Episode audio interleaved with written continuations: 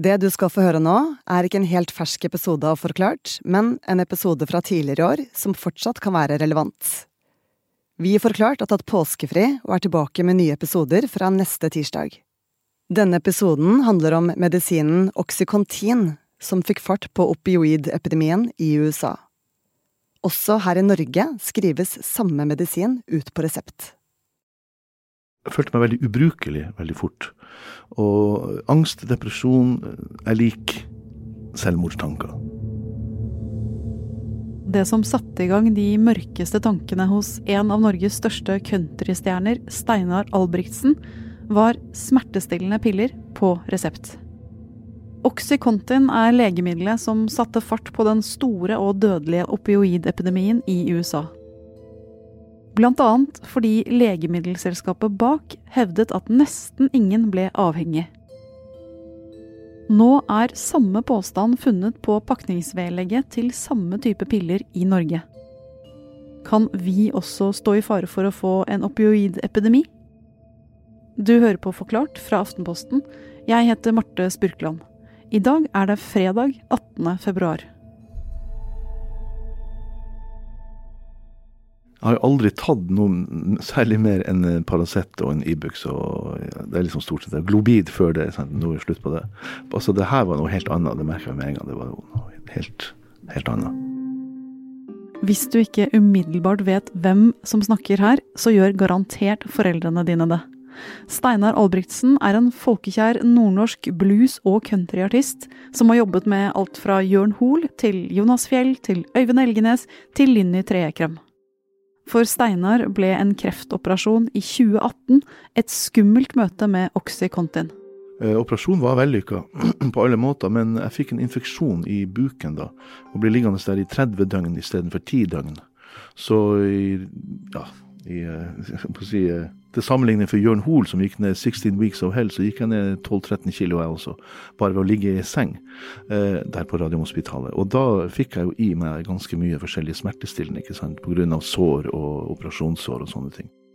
Og selv om pillene dempet smertene etter operasjonen, kom de med noen ganske kraftige bivirkninger som jeg etter hvert så, eller kona mi så på, på innholdsfortegnelsen for Oxycontin, så var det jo eh, noen av de første bivirkningene man så der, var jo angst, depresjon, eh, ang svette, ikke sant, kaldsvetting, frysing. Og det er jo særlig hvis man får litt for mye. Så det er verdt for folk som kanskje hører på at hvis man begynner å, å, å fryse, så er det kanskje man får for mye, for høy dosering. Jeg følte meg veldig ubrukelig veldig fort. Og angst depresjon er lik selvmordstanker. Det er jo helt naturlig. ikke sant? Du føler deg ubrukelig. Du ligger der på sofaen dag etter dag etter dag. Jeg klarer nesten ikke å følge med på eh, hjertet på rette staden engang. Det er jo ikke så vanskelig å følge med på, for det er jo en veldig sånn lettfattelig serie, egentlig.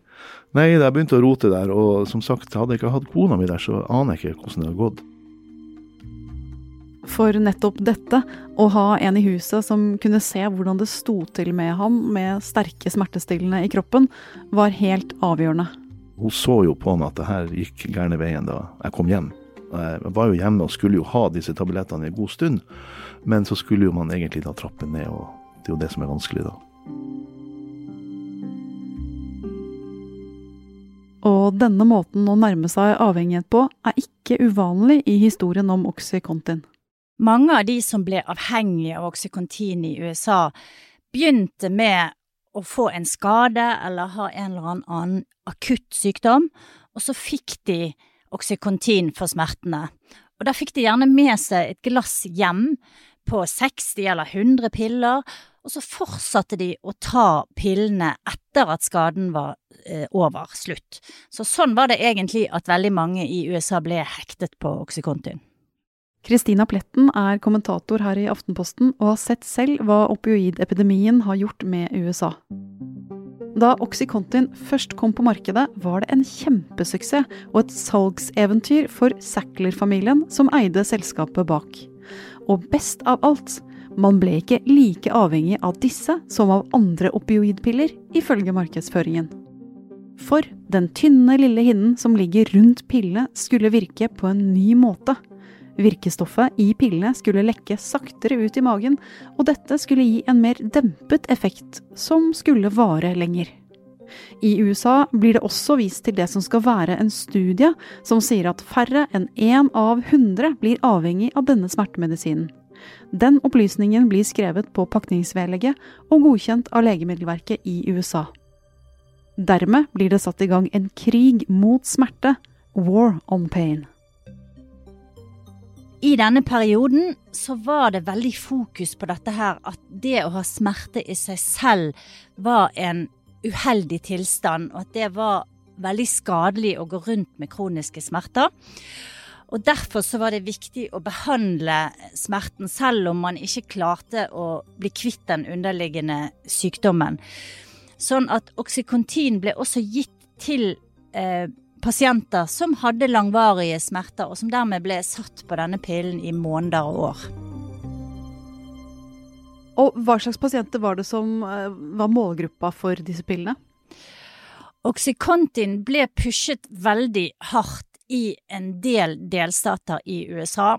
Eh, og dette er delstater med mye sosioøkonomiske utfordringer, f.eks. West Virginia, Ohio, Pennsylvania, Maine. Eh, steder der du har mange mennesker som gjør hardt fysisk arbeid, du har mange mennesker med kroniske plager, eh, og som, delstater som har en historie med f.eks. arbeidere som må over på uføretrygd pga. skader osv. Så, videre. så de var ganske kynisk i å markedsføre det der de mente at eh, kanskje markedet var eh, aller best, da. Men der ute i felt så var det jo langt mer enn én av hundre som ble avhengig. Hva har disse pillene vært med å gjøre med USA? Det er en tragedie og en skandale av episke proporsjoner, vil jeg si. Altså det er eh, Jeg har vært mye og reist rundt i disse delstatene og jobbet mye med denne tematikken. Og det er så sjokkerende å høre disse historiene og se enkelte lokalsamfunn er helt knust. På 2000-tallet går alarmen i mange amerikanske lokalsamfunn. Det registreres vold, kriminalitet, overdoser og dødsfall som har noe til felles. Oxycontin. DEA, det nasjonale rusmiddelpolitiet, begynner å etterforske. Det samme gjør statsadvokater i flere stater. Og blant det de graver i, er påstanden om at færre enn én av hundre blir avhengig. Denne påstanden har stått sentralt i mange tusen søksmål fra etterlatte etter folk som har dødd av overdose i USA de siste årene. Totalt har nær en halv million liv gått tapt i opioidepidemien i landet. Nå står en lignende påstand i produktinformasjonen på piller som skrives ut og brukes her i Norge. Det overrasker bl.a. de som burde ha full kontroll Legemiddelverket.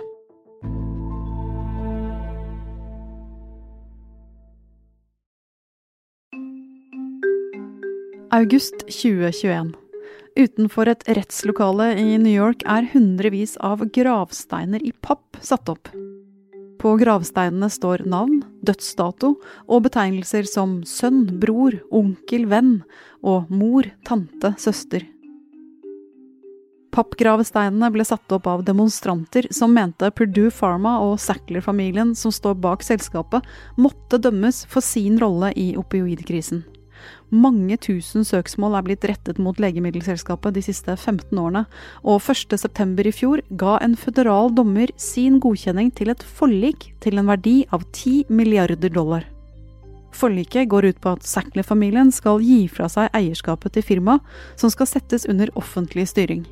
All profitt skal heretter gå til forebygging og behandling av opioidavhengighet, og familien Sackler skal betale 4,5 milliarder dollar mot å bli fritatt for fremtidige søksmål.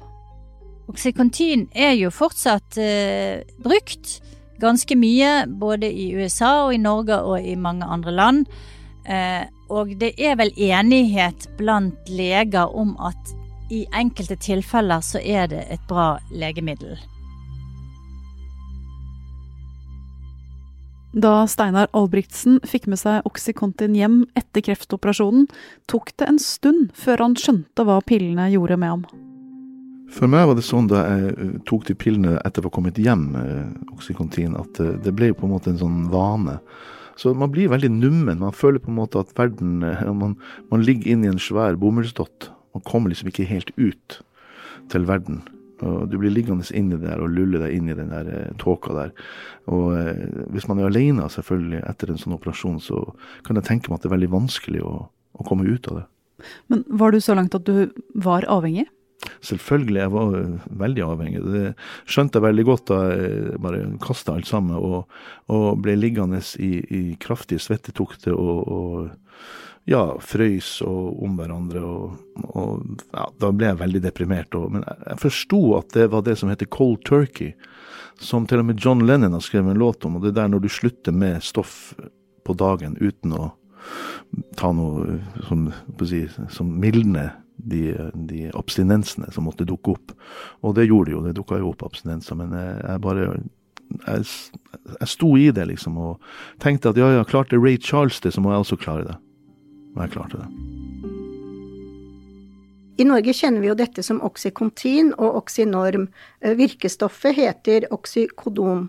Det ble markedsført i Norge i 2001, altså det var da legene kunne ta det i bruk, men det ble godkjent i EU i 1995. Dette er Tine Dommerud, som er helsejournalist i Aftenposten.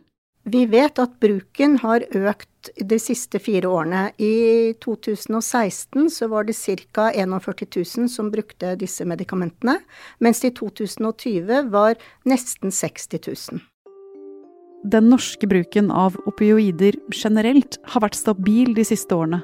Nå bruker vi nemlig mindre av opioidene Pinex og Paralgin forte enn vi gjorde før. Men vi bruker mer oxymedisiner, Oxycontin og Oxynorm. Tine, er det her noe å bli bekymret for? Altså, Tyder økningen på at vi får vår egen opioideepidemi i Norge? Jeg syns jo det er vanskelig å spekulere i det, men Legemiddelverket de er ikke bekymret. Og det skyldes nok i stor grad at det er ganske regulert eh, forskriving av medisiner i Norge, og Helsedirektoratet har veldig strenge regler og anbefalinger om hvem som skal bruke denne type medikamenter. Og vi vet også at enkelte leger som har skrevet feil eller skrevet for mye, de blir fanget opp og meldt til det som tidligere var fylkesmann, men som nå er statsforvalteren. Og enkelte har mistet retten til å forskrive disse medisinene. Men det er jo helt klart, noen kan jo slippe unna ved å skrive for mye og til for mange. Og hvordan brukes disse medisinene i Norge? Hvilke pasienter er det som får dem? Disse medisinene de omtales blant legene som Guds gave til menneskene, fordi de er så effektive, og de tar bort veldig dramatisk og hjerteskjærende smerte. Men det skal ikke brukes over lang tid. Det er jo den dyrekjøpte erfaringen fra USA. Eh, det skal brukes ved akutte, sterke smerter, etter operasjoner eller ved langvarige kreftsmerter. Folk som er døende f.eks. av kreft, de har ofte ekstreme smerter, og da er dette et veldig godt virkemiddel, så folk får en roligere og bedre død. Så det er veldig fint å hjelpe dem. Men for folk som har vondt i ryggen, sånn vanlig ryggvondt over tid, eller migrenepasienter eller andre som har helt sterke smerter, men som ikke er av denne type, de skal ikke ta det, for da blir veldig mange av dem avhengige.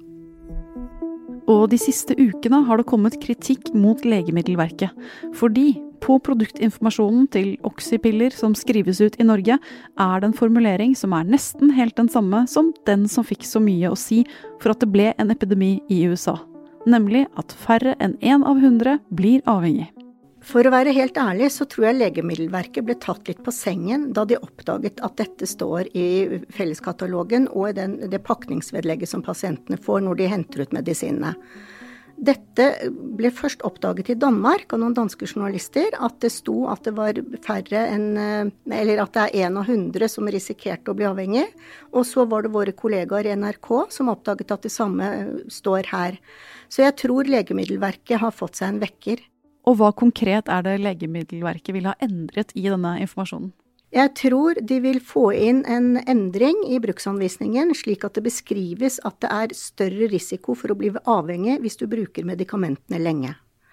Og det er viktig for Statens legemiddelverk at denne diskusjonen tas i hele Europa. Um, det vil være veldig rart for pasientene hvis det f.eks. står i de danske bruksanvisningene at det er fare for avhengighet, mens det ikke står i Norge. Da vil jo pasientene begynne å lure. Um, Norge har hatt gjennomslagskraft før de når det gjelder bruksanvisning på viktige legemidler. Blant annet så fikk Legemiddelverket inn en endring i bruksanvisningen i bruken av AstraZeneca-vaksinen da det ble oppdaget i Norge at det var en blødningsfare hos enkelte mennesker. Mm. Så her kan de faktisk nå gjennom og ha påvirkning på hva som står på pilleesker og i bruksanvisninger over hele Europa? Ja, med grundig dokumentasjon så kan de det. Til slutt, vi har vært i kontakt med Mundi Pharma, den internasjonale delen av selskapet bak Oxycontin. De skriver i en e-post til oss at påstanden om avhengighet er basert på kliniske studier gjort da medisinen ble godkjent for markedet. Mundi Pharma skriver også at de ønsker engasjementet fra Legemiddelverket i Norge velkommen, og at de tar uroen rundt Oxycontin på alvor. De skriver videre at de på ingen måte vil minimere risikoen for misbruk og avhengighet av opioider. Det er vel det verste jeg har vært med på, de der eh, abstinensene som jeg følte uh, idet jeg gikk av oksykontinen. Men da jeg kom ut på andre sida, så følte jeg at jeg kom ut på ei anna side. Jeg kom tilbake til virkeligheten, tilbake til verden. Jeg så klarere, jeg tenkte klarere, og jeg fikk en sånn tru på, på fremtida. Så jeg skjønte at det der må jeg aldri mer havne i. Den første kaffekoppen etter at du har ligget og svetta på sofaen i ei uke, den var fantastisk god. Og etter det så følte jeg vel bare at det var bare å prøve å komme i form på andre måter. Og ja, nå har jeg jo prøvd å gått litt, vært flink til det. Men så har jeg vært dårlig føre, så jeg må jo skylde litt på det. Men nå går det jo mot lysere tider, og nå er det ikke munnbind lenger. Så nå håper jeg at livet bare går rette veien.